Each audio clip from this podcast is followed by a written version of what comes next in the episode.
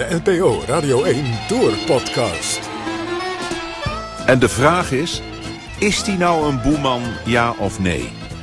Hij heet Chris Froome. De kopgroep met Mart Smeets, Joost Vullings en Martijn Hendricks. Welkom bij De Kopgroep, de tourpodcast van NPO Radio 1... gebracht door uw tour-encyclopedie Mart Smeets... en onze man in de karavaan Martijn Hendricks van de NOS... En ik ben Joost Vullings van 1 Vandaag. Ik heb meer verstand van politiek, maar geloof me, het verschil tussen wielrennen en politiek is kleiner dan je denkt. Podcast De Kopgroep verkent voor u iedere dag de etappe. Goedemorgen Mart. Goeiedag. Goedemorgen Martijn. En waar ben je? Uh, ik ben in het zeer pittoreske Hank neergestreken. Dat uh, vind je langs de A27. Ik ben, uh, zoals je misschien begrijpt, net vertrokken. ah, je bent nog in, in, in het Nederlandse, maar op weg naar de Tour, begrijp ik. Ja, correct en tevens juist. Tussen Hank ja, en Dussen zit je dus. Ja, precies. Ja, daartussen. nou heren, het was de week van Chris Froome. Come to the race and, and put, put a jersey on of the team that you do support. And support the race in a in a positive way. Don't don't bring negativity to the race. Christopher Froome. Great to see you, Chris. Uh, Martijn, ja, dat was, het, was, het was wat deze week. Eerst leek hij te worden uitgesloten. Toen mocht hij toch weer meedoen. Uh, wat, ja, wat is de reactie in het peloton? Wat vinden de andere renners hiervan? Nou, dat is, het blijft een beetje stil. Daar, hoor je ze niet heel erg over. En de, de, als je de mensen daarover benadert, dan wat nu eigenlijk boven blijft, is dat ze het niet eens zozeer meer zich verbazen over of die wel of niet mag rijden, maar over hoe die hele procedure is gegaan. Hoe de UCI hiermee omgaat en hoe het WADA, de internationale dopingautoriteit, hiermee om is gesprongen. dat vinden ze vooral heel raar. Daar hebben ze heel veel, zetten ze hun vraagtekens bij. En of die er nou wel of niet is, ja, dat is een beetje hetzelfde als wat de afgelopen maanden al, uh, al speelde. Uh, ja, ze, ze, ze, gedogen het en de meesten vinden het eigenlijk wel prima dat hij, er, dat hij erbij is. Want dat waren de regels. Hij mocht er zijn terwijl, terwijl men onderzoek deed naar, naar, naar wel of niet positief zijn. En renners vinden het vaak, althans dat is mijn indruk, het moeilijk om iets over collega's te zeggen. Bijvoorbeeld hij mag niet meedoen. Ja, Tom Dumoulin bijvoorbeeld, die uh, spreekt met het, uh, die heeft nogal zijn hart op de, hart op de tong zitten. En, maar die, die drukt zich heel diplomatiek uit en die zegt dan, uh, ja, volgens de regels van mijn ploeg zou ik hier dan niet mogen rijden. Zij zijn aangesloten bij, een wat, bij, bij de NPCC, een ploeg die een wat, wat strengere regels voor zichzelf oplegt. en die hebben eigen wat strengere regels en daar is Sky niet bij aangesloten. Maar ja, goed, ja, dat, dat zijn andere regels, dat zijn andere wetten binnen een, binnen een bepaalde ploeg.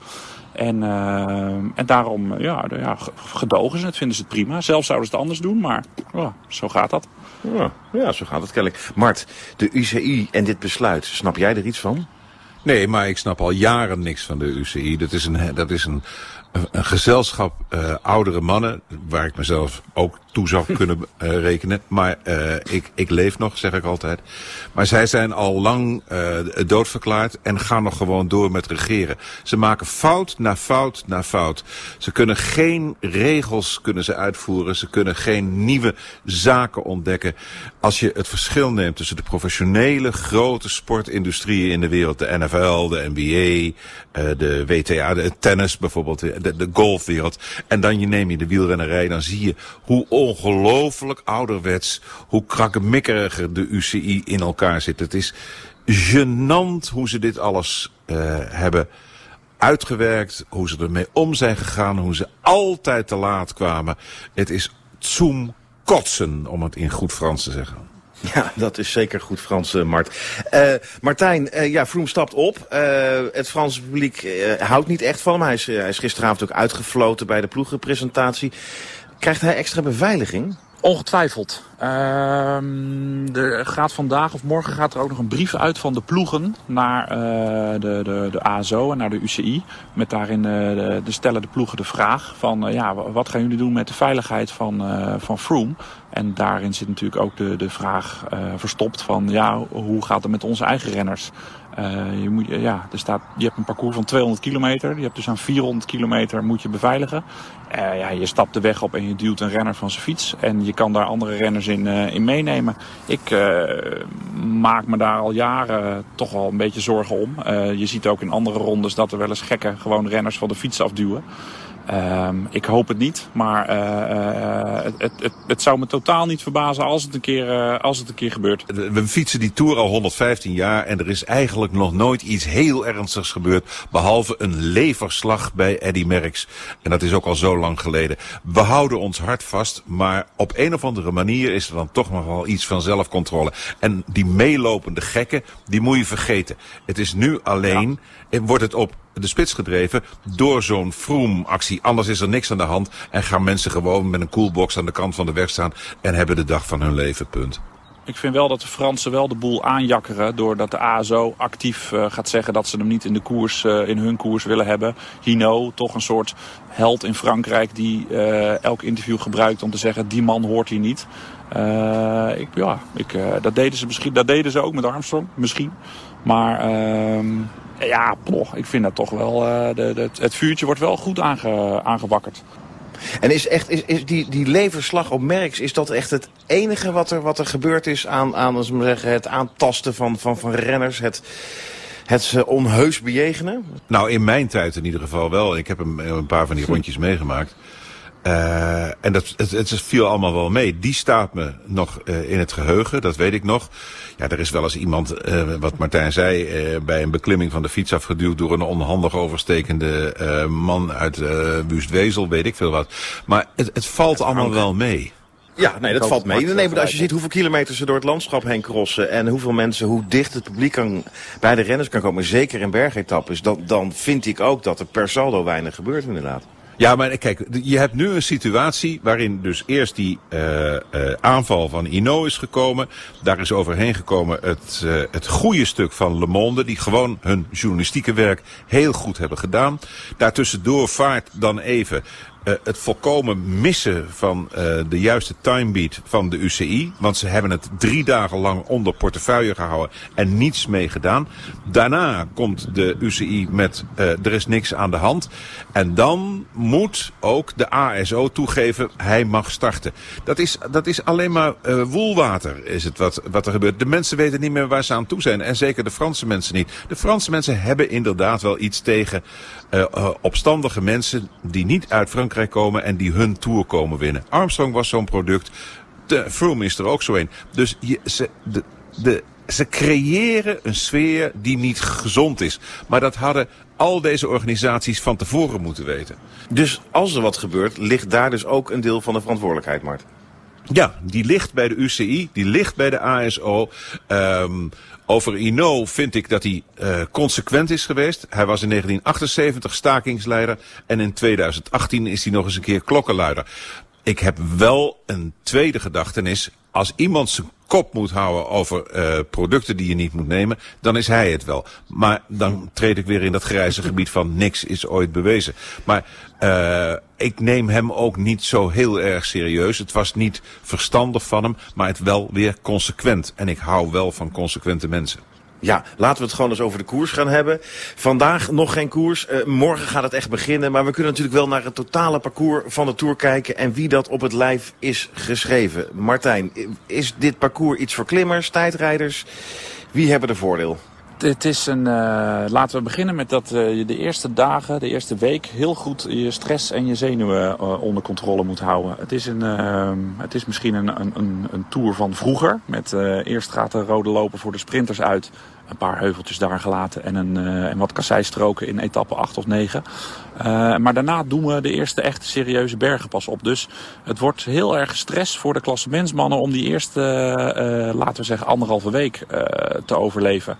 Daarna krijg je een keur van zware bergen en hebben ze misschien wel iets neergelegd. Iets on Tour de France. Ze waren wel eens wat behouden in het neerleggen van zware parcoursen. Dat was echt voorbehouden aan de Giro en de Vuelta. Maar de parcoursbouwers hebben nu hun best gedaan om al best wel een pittig uh, parcours neer te leggen. Weinig tijdritkilometers, uh, een ploegentijdrit, aanstaande maandag al. Uh, beetje show misschien, daar ga je echt geen grote verschillen oplopen. M- eh, niet meer dan een minuut, anders eh, doe je het wel heel slecht. En een tijdrit helemaal aan het einde, voor mijn gevoel pas over drie jaar, eh, van 30 kilometer. Heuvelachtig, op het lijf geschreven van Tom Dumoulin. Ah, dat, dat eh, stemt mij positief. Maar heel veel sprintetappes, Mart. Het wordt ook een soort WK-sprint, eh, zeker de, de, zeker de eerste week. Ja, maar dat is een antwoord op het WK voetbal natuurlijk. Hè. We hebben dat meer gehad Ah, in dat is het. jaren. Ja, natuurlijk. Die, En we doen wel mee met dit WK-sprint, dat is het voordeel. Ja, nou dat weet ik ook nog niet, want dat moet allemaal bewezen Ja, worden. Maar het is, wel, het is wel een Frans antwoord op wat er gebeurt. Kijk, de Fransen hebben altijd eh, een ploeg gehad die ver ging in het WK voetbal. En dan hadden ze, in die overlappende week, hadden ze niet de... Ja, laat ik zeggen, de, de limelights op de Tour de France staan, maar dan bleef het bij het voetbal hangen. En zo heb ik een paar keer ook meegemaakt. Ik heb wel eens een keer een jaar gehad dat we de eerste eh, week van de eh, Tour de France geen avondetappe uitzonden.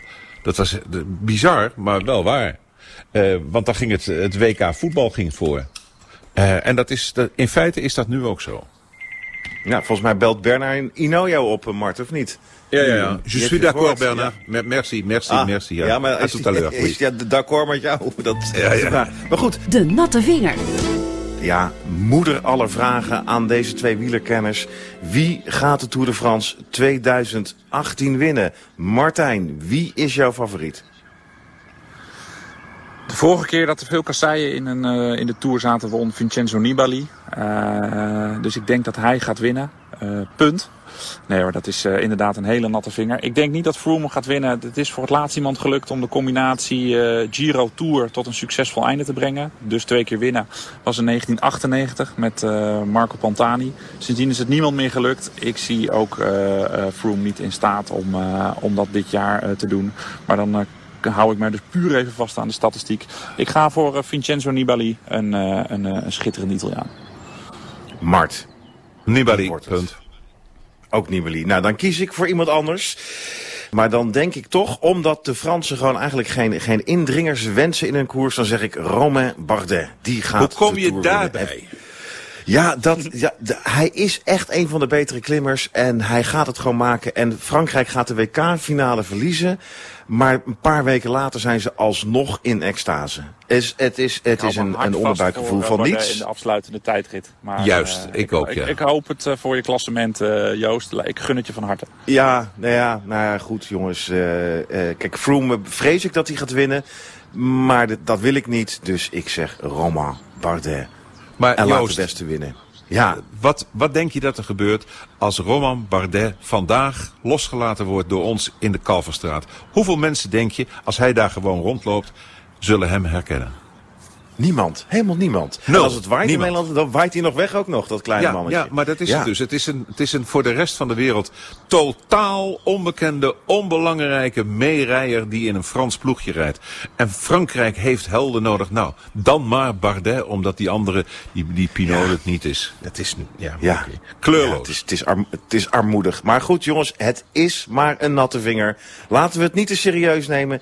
Ik dank jullie wel. En morgen begint de koers echt. Wie van Oh, even. slaapt onrustig als de Tour begint? Nee, Nee, maar ik heb nog wel één vraag voor jou. Daar werd Ja. ik vanochtend mee wakker. Luister Joost, jij weet van politiek Ja, ja. hè? Oké. Zeker.